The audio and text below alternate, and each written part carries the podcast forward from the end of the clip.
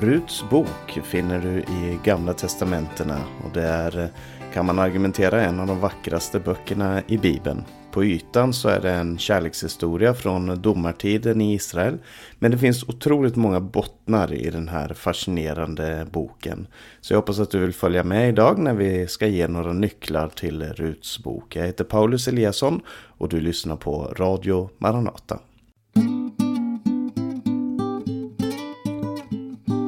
Ja, Ruts bok det är en av två böcker i Bibeln som är uppkallade efter en kvinna.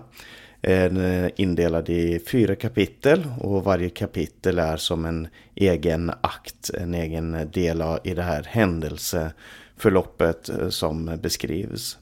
Eh, Ruts bok är placerad runt antagligen runt 1100-talet eh, före Kristus och det utspelar sig i det som kallas för domartiden. Alltså tiden mellan då Israel hade kommit in i Kanans land och Josua som ledde dem in hade dött eh, fram till de fick kungar under eh, Saul, David och så vidare. och du kan läsa om den här tiden i domarbo domarboken som den kallas som kommer precis före Ruts bok. Och eh, den slutar med att berätta att var och en gjorde som han själv ville. Det är eh, karaktärsdragen på domarboken. Man hade slutat lyssna till Gud och man gjorde som man själv ville. Temat för Ruts bok det skulle man kunna sätta på många olika sätt. Man skulle kunna säga att det handlar om hur Gud arbetar under kaotiska tillstånd. Eh, det, folket levde i ett kaos och, men vi ser tydligt hur Gud eh, fungerar och arbetar i Ruts bok. En annan fråga som man kan ställa sig är kan man göra Guds vilja i en värld som har vänt honom ryggen? Alltså när man ser på huvudpersonerna i den här boken så ser man att de eh, lever efter Guds vilja trots att världen omkring dem är väldigt eh, eh annorlunda. De lever i världen men som vi brukar säga, inte av världen. Man skulle kunna säga att mycket av tematiken handlar om vad händer med en människa som vågar lita på Gud, som kastar sig i Guds armar, som följer hans bud. Vad händer i en sån situation? Så det är lite om temat här. Vi vet inte vem som är författare till Ruts bok. Traditionellt inom judendomen så har man sagt att det är eh, Samuel, profeten Samuel som levde samtida med Saul och eh, David. Men vi vet i alla fall att den är skriven efter att David tillträdde som kung antagligen. Därför att den nämner då eh, David i slutet av boken. Eh, vi ska komma tillbaka till det. Så när den här är skriven är lite oklart. Kanske tusentalet före Kristus eller senare men inte tidigare än det.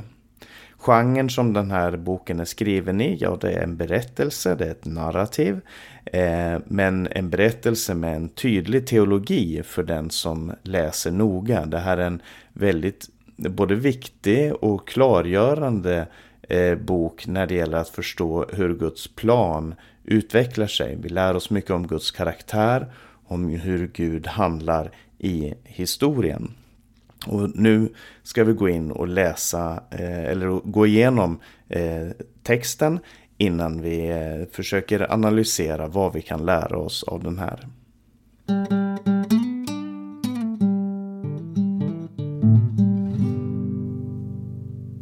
Om vi går in i texten i Ruts bok så börjar den med att berätta om en man som hette Elimelek.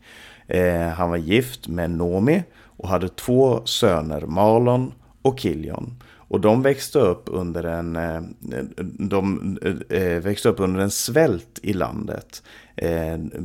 Elimiel och Nomi de var från Betlehem som ligger några kilometer ifrån Jerusalem. Och de, de flydde ifrån Israel till Moabs land som var ett av grannländerna för att finna sig mat, för att överleva helt enkelt.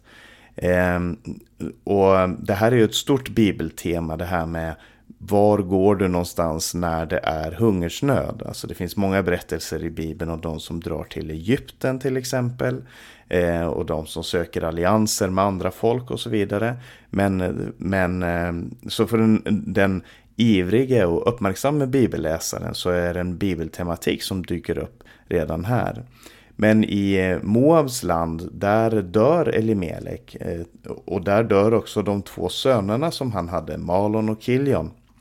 Eh, efter att de hade gift sig med två kvinnor ifrån Moabs land, Rut och Orpa. Så det finns då i berättelsen så är vi nu kvar med tre änkor. Nomi som är Elimeleks hustru och så Rut och Orpa som var gifta med Malon och Kiljon. Och det är Rut då som den här boken är uppkallad efter. Och så går det en tid och Nomi får höra att det igen finns bröd i Betlehem, staden som de kom ifrån.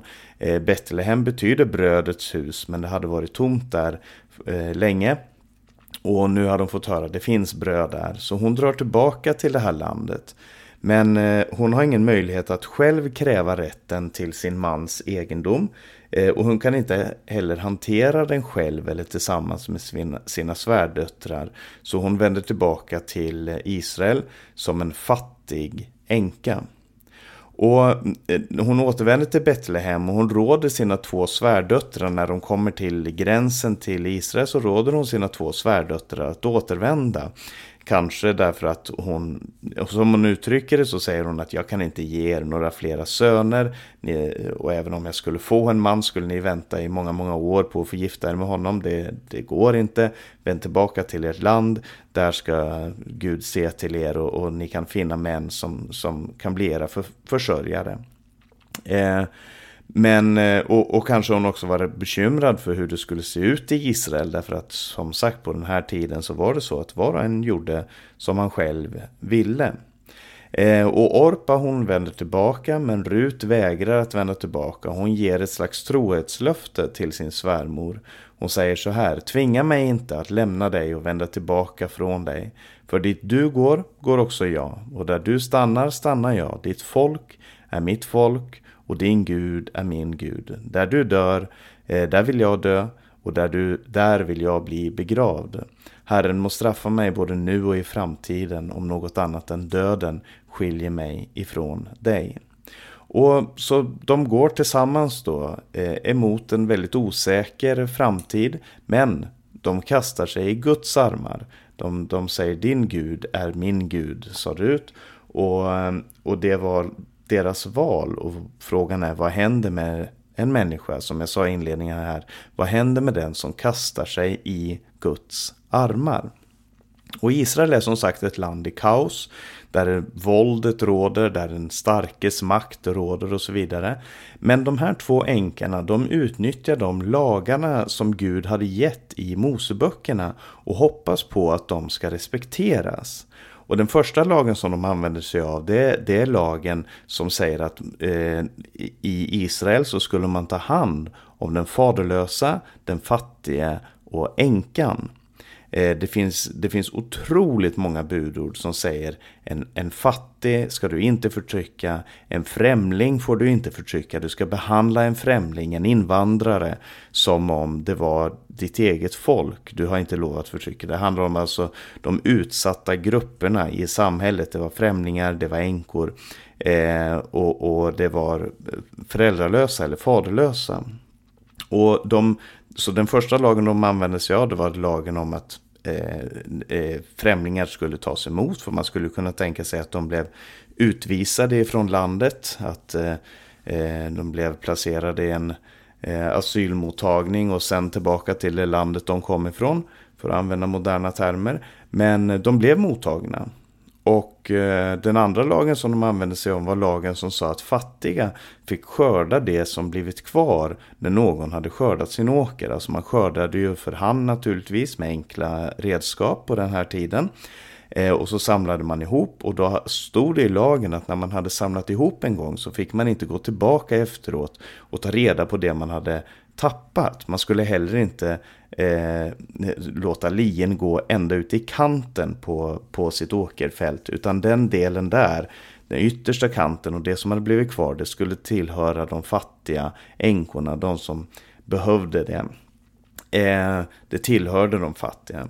Så Rut, hon började gå på en åker och plocka där och det visade sig att det var en man som hette Boas som hade den här åken. Och Boas visade sig en god man som väljer att respektera lagen eh, och han gör ännu mer än det. Han säger till sina arbetare att lämna något åt Rut och, och de här eh, änkorna och fattiga som, som går och plockar där.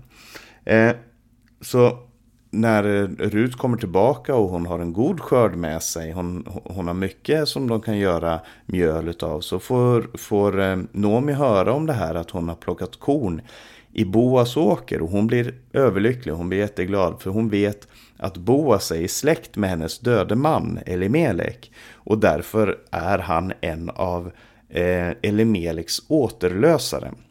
Och det här är den tredje lagen som utnyttjas. Och som alla de här lagarna kan låta märkliga för oss. Kanske inte den om, om invandrare, det tror jag är väldigt aktuellt.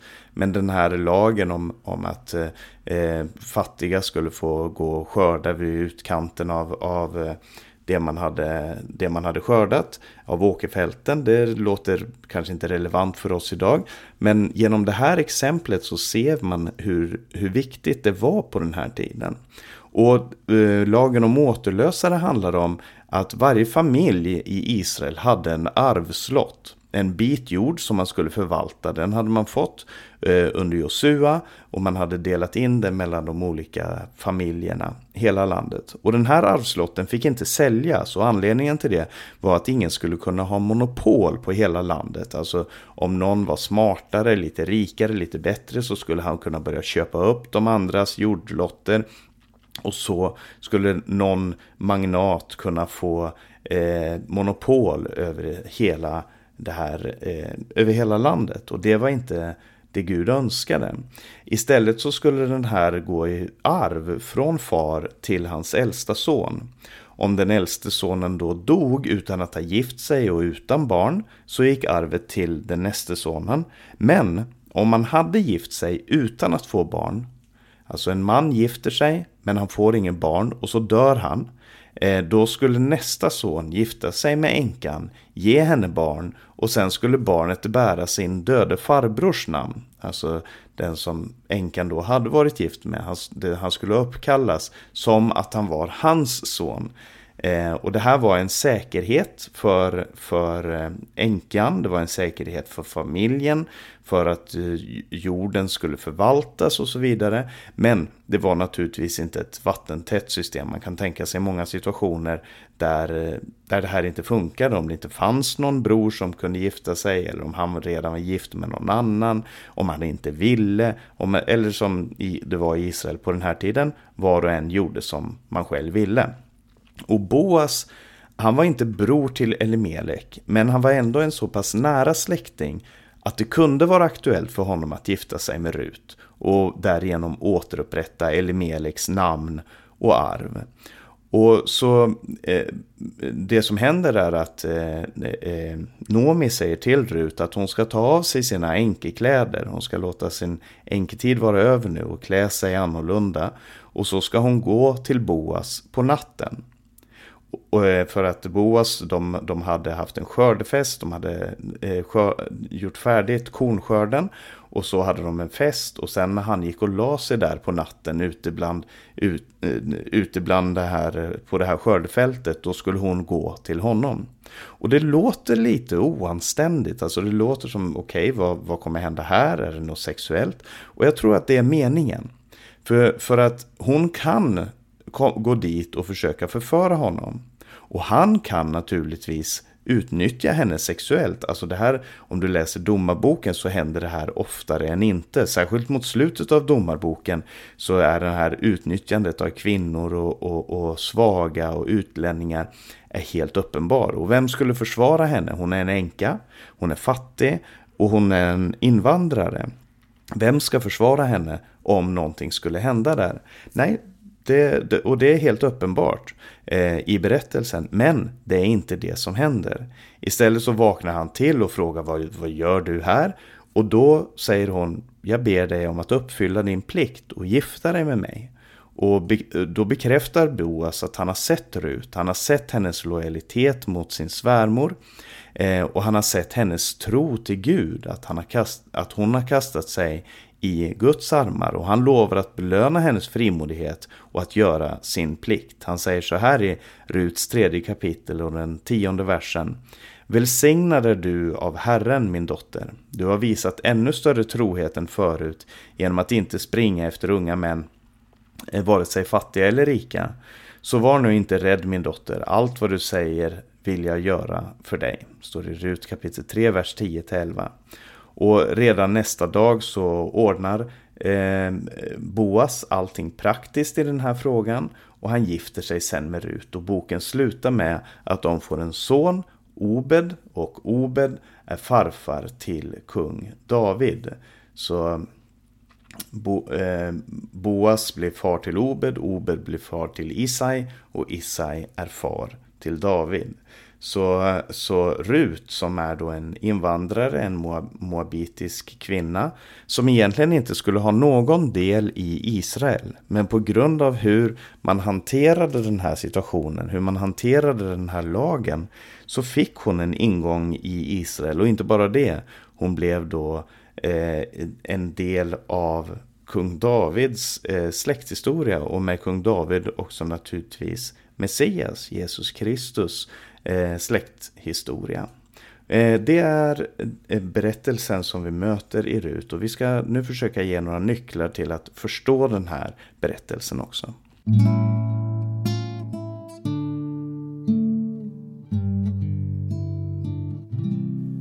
Ruts bok det är en bok med många bottnar som jag sa här i början. Det finns flera perspektiv som man kan läsa Ruts bok ur och jag har hört den här berättelsen sedan jag var en liten grabb där jag gick på söndagsskola och, och, och barnmöten. Eh, och den har fascinerat mig många gånger och den fortsätter att fascinera mig för att den är så i all sin eh, antika stil och hur den nu är skriven och, och hur den kan uppfattas som, som eh, ja, antik och oaktuell så tycker jag att den är otroligt aktuell också för vår tid. Den handlar dels om, om hur man ska applicera eh, Guds lag på sitt liv. Den handlar om lojal kärlek och om Guds försyn. Alltså hur Gud låter ting ske utan att han nödvändigtvis griper in. För det ska du lägga märke till när jag läste den här berättelsen. Ingenstans står det att Gud öppnade himmelen och sa någonting. Eller att han, han gjorde något under eller uppväckte någon död eller helade någon sjuk. Det verkar som en helt vanlig historia, men i bakgrunden så finns det här dels det att Gud har gett sin lag, men också det att Gud leder varje steg en människa tar. Eh, och naturligtvis kan man läsa det här i det perspektivet som handlar om den messianska planen som för alltid förverkligas i det svaga. Om jag ska säga någonting om det här så eh, kan vi se att Gud hade ju gett sin Torah, eh, lagen eller undervisningen, som var bland annat då innehöll lagar och berättelser om hur man skulle behandla andra människor och som var formade för att hjälpa de allra fattigaste. Eh, och det är ju som jag sa här några olika lagar som exemplifieras i texten. Lagar som kan vara svåra att förstå. Var, varför är de här viktiga? Jo, se här. Eh, och, och, det här är från den tiden då var och en gjorde som man själv ville. Om man höll lagen så var det upp till en själv. I domarboken så ser vi hur ett samhälle blir när man följer sin egen moral, sin, man följer det här att den mäktigaste ska regera eh, och det slutar i fullständigt kaos. Och i Ruts bok så ser vi hur världen skulle se ut, eller samhället skulle se ut, om man följer Guds vilja och Guds tanke. Och det är ju olika lagar då som appliceras. Jag sa det, den här lagen om att en främling som bor ibland er ska ni inte förtrycka. Eh, lagen om att om en man dör utan barn så ska en återlösare ta, ta till sig hans hustru och ge honom barn i hans brors namn. Eh, lagen om att du inte ska skörda utkanterna, eh, utkanterna av din åker, men det ska tillhöra den fattige. Och Bibelns, det som kallas för den undertryckta treenigheten, det är de här faderlösa änkorna och främlingarna. Och Rut är i utgångspunkt alla tre. Hon lämnar sina föräldrar, hon är en änka och hon är en främling. Hon är helt utan socialt skyddsnät. Och jag tror att visdomen som vi kan se i Ruts bok och som vi också kan applicera på eh, våra egna liv är att de här människorna som är fattiga, som är invandrare, som är föräldralösa, ensamstående mödrar och så vidare. De som är de mest utsatta i samhället. De kallar Gud oss att vara en Boas för. Och Gud har gett oss sitt ord för att vi i visdom ska förstå hur vi ska kunna hjälpa de här människorna. Hjälpa invandrare i vårt eget land. Hjälpa de som, som är ensamstående mödrar med barn som är kanske de, de som har svårast ekonomi även i, i Sverige och hjälpa dem som är änkor, som är ensamstående, som inte har något socialt skyddsnät runt sig. Det är en del av visdomen i, Guds, eh, i Ruts bok. Det andra, andra som vi kan läsa om är ju den här lojala kärleken som de visar. Eh, det som i Bibeln kallas för chesed, om du har följt med på de sista tre radiosändningarna som jag haft i Radio Maranata så har jag talat om just Guds chesed utifrån psalm 89. Men i eh, den här texten så visar framförallt Rut och Boas visar sin chesed. Att de är beredda att vara trofasta emot det som Gud har sagt. Rut hon, hon ger sin trohet till Nomi och till Nomis Gud. Eh, och hon visar sin lojalitet till dem. Och därför så visar Boas sin lojalitet till Gud och till Rut genom att Noomi och hennes döde man eh, genom att uppfylla sin plikt. Och i bakgrunden hela tiden så finns också Gud som arbetar på det sätt som han väldigt ofta gör genom de svaga människorna de enkla människorna och de föraktade människorna. Det kan du se genom hela Bibeln, hur Gud visar sin kärlek, sin omsorg, hur han upplyfter den ringe ur stoftet och hur han låter rika och de mäktiga människorna gå tomhänta bort. Det är ett stort eh, tema i Bibeln som Rut hjälper att, att kasta ett speciellt ljus över. Eh, Bibeln är en stor historia och i de små historierna så ser vi delar av den stora historien. Och den stora historien är ju naturligtvis berättelsen som leder fram till Jesus själv. Och Ruts bok är en del av den stora planen som Gud har från Adam ända till Jesus själv. Gud gav ett löfte till, till Adam och Eva om kvinnans säd som skulle krossa ormens huvud. Det kan du läsa om i första Moseboks tredje kapitel. Då de blev utkastade ifrån Edens lustgård efter att de hade gjort ormens vilja eh, istället för att göra Guds vilja. De hade ätit av trädet till kunskap om gott och ont istället för att äta av livets träd. Alltså det är hela tiden de här valen som människan ställs inför. På domartiden så var det frågan om ska var och en göra som man själv vill eller ska man följa det som Gud har sagt. Och det är alltid det som är den stora frågan. Eh, så, så Ruts bok är, är, visar en del i den här planen. För att Rut blir en del av planen att krossa ormens huvud genom att hon ställde sig till Guds förfogande och hon var frimodig. Hon blev gammelfarmor till kung David som ju också är förfader till Jesus själv. När Jesus kommer så, så kan du läsa om Rut i Matteus evangelium i släkthistorien som, som eh, presenteras där.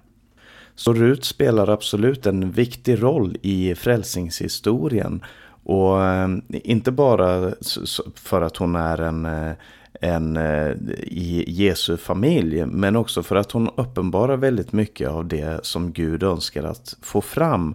Hon uppenbarar väldigt mycket av Guds vilja, Guds nåd, Guds trofasthet, Guds försyn och så vidare.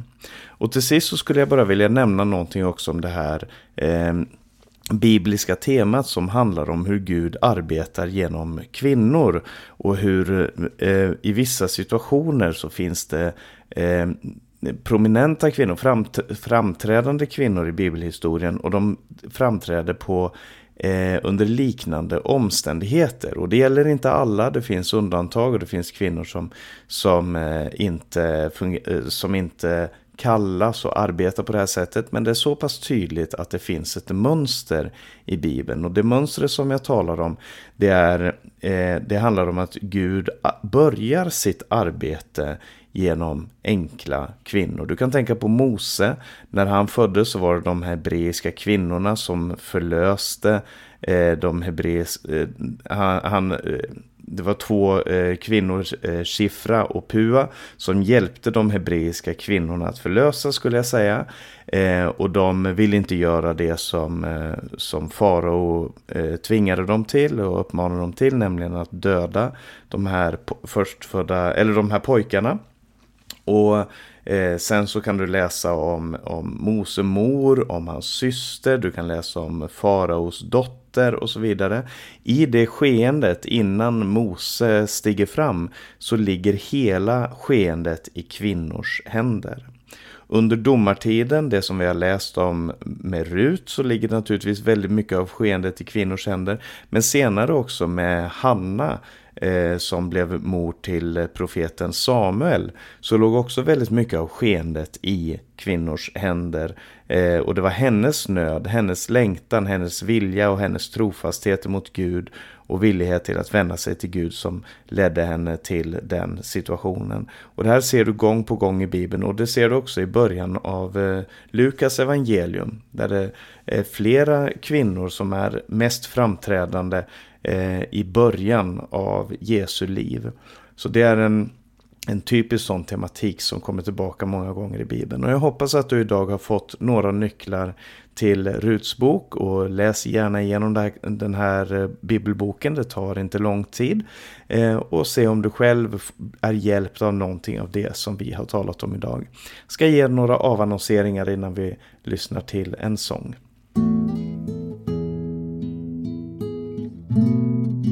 Vi ska alldeles strax lyssna på sången Rut och Nomi av Kristina Imsen som handlar just om den här bibeltexten som vi har läst idag. Men först ska jag ge lite information. För du har lyssnat på en podcast ifrån Radio Maranata med mig Paulus Eliasson. Och det här programmet har också sänds över Stockholm 88 MHz och Örebro 95,3 MHz. Sprid gärna programmen till andra också. Om du har några frågor eller kommentarer omkring programmet så kan du skicka en e-post till info.maranata.se eller ringa 070-201 60 20. På hemsidan maranata.se så kan du höra de här programmen, läsa minasropet, se Radio Maranatas övriga sändningstider och så vidare. Sprid Guds välsignelse till alla du möter. Vi hörs igen om en vecka. Nu lyssnar vi på Kristina Imsen.